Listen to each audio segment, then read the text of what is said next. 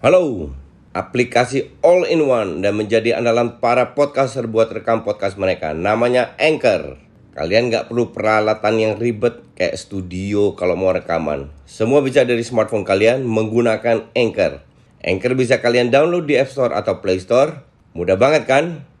Di Anchor kalian nggak hanya bisa ngerekam audio, tapi kalian juga bisa ngedit langsung di sini. Bukan itu aja, Anchor juga dapat mendistribusikan konten kamu ke platform lain, contohnya Spotify, Apple Music, dan lain-lain. Keren kan? Satu aplikasi buat semua kebutuhan. Daripada kalian makin penasaran, mending langsung aja download Anchor sekarang. Oh ya, Anchor ini gratis loh.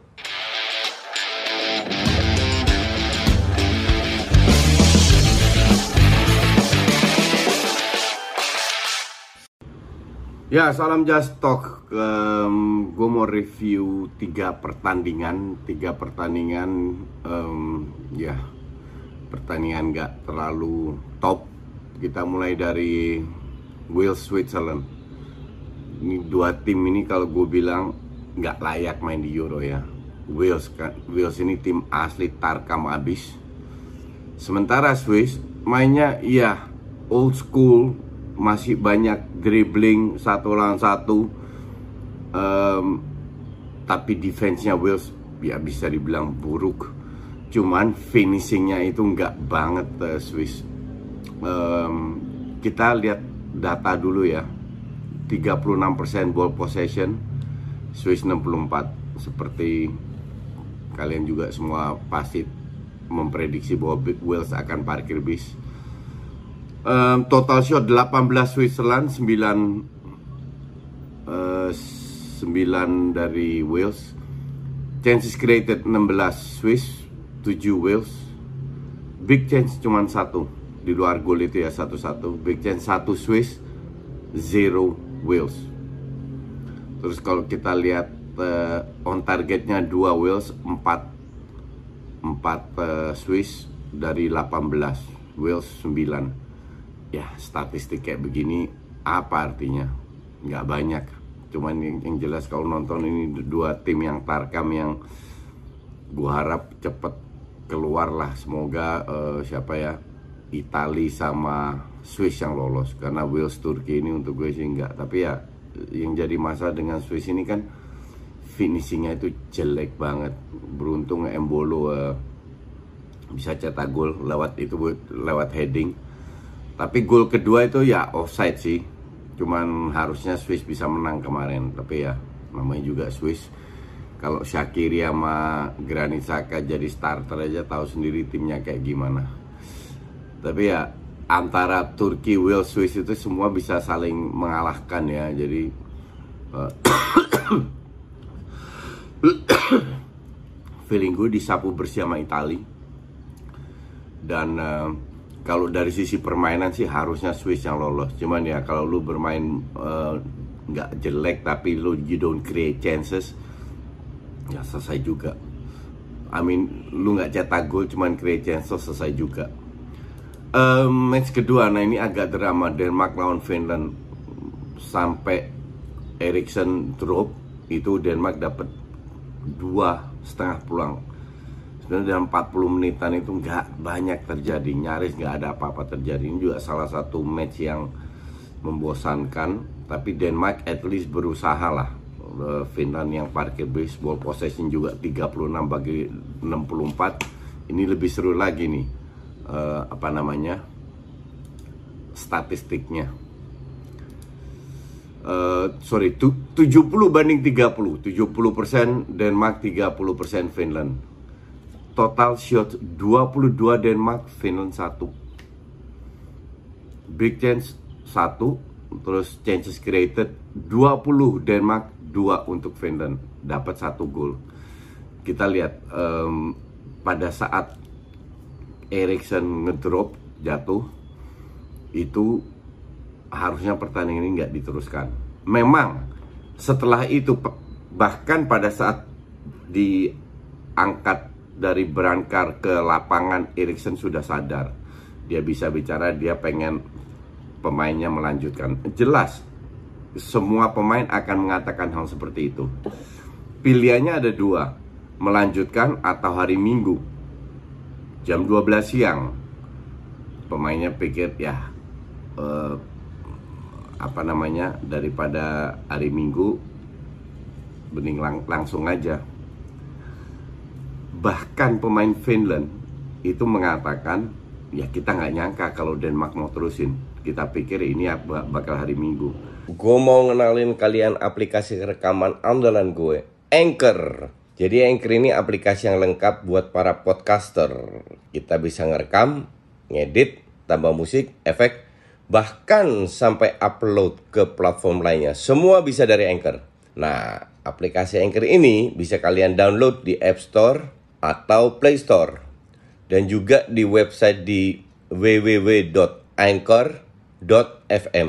One app that your podcast needs. Oh ya, Anchor ini gratis ya pelatihnya Denmark mengatakan kita secara emosional sudah drop habis. Maka dari itu cuman ya ini pertandingan harus dilanjutkan. Maka dari itu dari pemimpin kita kita teruskan lah. Bukan karena nggak ada Erikson emang ngaruh ada Erikson atau tidak. Tapi gimana sih? Lu itu manusia. Kalau hal kayak gini terjadi di, dengan temen lu, temen deket lu, um, lu udah nggak udah habis lah kasarnya dan kelihatan golnya Finland bola kayak gitu untuk level Schmeichel kan harusnya bisa dapat penalti biar nggak masuk syutingnya juga terlalu pelan karena mereka otaknya itu udah nggak di sepak bola otaknya itu sudah di Christian Eriksen tapi mereka dipaksa untuk bermain dan mungkin mereka bermain karena mereka pikir ya udah tanggung ada di sini daripada main jam 12 be besoknya beberes lagi persiapan lagi ya udah kita kita jalanin aja. Finland ini gol pertama kalau nggak salah di Euro nggak layak lolos juga tim kayak Finland ini. Um, mereka satu grup sama Belgia, Rusia, Denmark ya ini yang yang kedua antara Denmark dan Rusia. Kalau ngelihat tadi Rusia main Denmark peluang at least lebih besar lah. Oke. Okay? Nah, apa yang sebenarnya terjadi dengan Erikson? Gue harap ini kejadian yang pernah dialami oleh Daily Blind, oleh uh, mantan pemain Belanda yang kalian nggak tahu, uh, sebagian besar itu Rene van der Gijp mengalami hal yang sama. Jadi yang terjadi adalah saluran darah ke jantung itu tersendat, entah darahnya terlalu kental entah apa semua bisa terjadi lah. Minimal tidak tidak lancar seperti biasa sehingga oksigennya kurang makanya dia jatuh kolaps Semoga itu yang terjadi dengan Erikson. Nah, kalau seandainya benar seperti Daily Blind, Daily Blind itu waktu latihan di di Ajax itu berapa hari udah latihan, jadi nggak ada masalah. Dan berita terakhir dari Fabrizio Romano, bicara dengan bokapnya dia bilang oh Erikson sudah bisa bicara lagi sudah bisa udah normal lah jadi udah nggak nggak berbahaya jadi nampaknya kayaknya itu yang terjadi dan itu sering kali terjadi bukan? Memang pada saat di lapangan semua shock ya bahkan penonton uh, juga shock. Tapi semoga itu seperti yang kasusnya seperti Delvin sehingga dalam satu dua hari tiga hari mungkin dia bisa latihan lagi semoga. Dan yang bikin satu hal positif adalah fansnya Denmark dan Finland bersatu ya untuk mendukung uh, Erikson. Di sinilah kita kita melihat bahwa sepak bola is just a game, oke? Okay? Semua orang pengen men menang, tapi masih banyak hal yang jauh lebih penting daripada hanya sekedar sepak bola. Dan kemarin fansnya Finland, pemain Finland pun uh, memikirkan itu um, fans Denmark semua bersatu untuk mendukung Erikson dan juga kita lihat Lukaku mendukung Erikson pada saat dia mencetak gol pertama. Hakimi pun demikian. Jadi inilah indahnya sepak bola bahwa di luar uh, rivalitas di dalam lapangan, di luar lapangan mereka adalah teman kolega yang harus direspek secara profesional. Oke. Okay? Kita ke match ketiga, Belgia Rusia. Ya, Belgia Rusia. Hmm, what would you say Belgia Rusia? Rusia gue Sabtu kan siaran di malam siaran di DP gue Rusia gue gue nggak nggak gue anggap lah ini this team is so poor. Dan kemarin terbukti. Di luar golnya blunder ya dua kali blunder. Gol per, gol pertama itu kalau nggak kena defender kan Lukaku offside. Kena kakinya. Bola itu datang ke kaki lo sampai lu nggak bisa menghalang sebagai center back. Udah selesai mau bahas apa lagi lo gol kedua juga kipernya buang bola ke depan. Kiper yang benar itu bu buang bola ke samping bukan ke depan. Either lo pegang atau lo buang bola ke samping. Ini buang bola ke depan sama Munir disikat lah.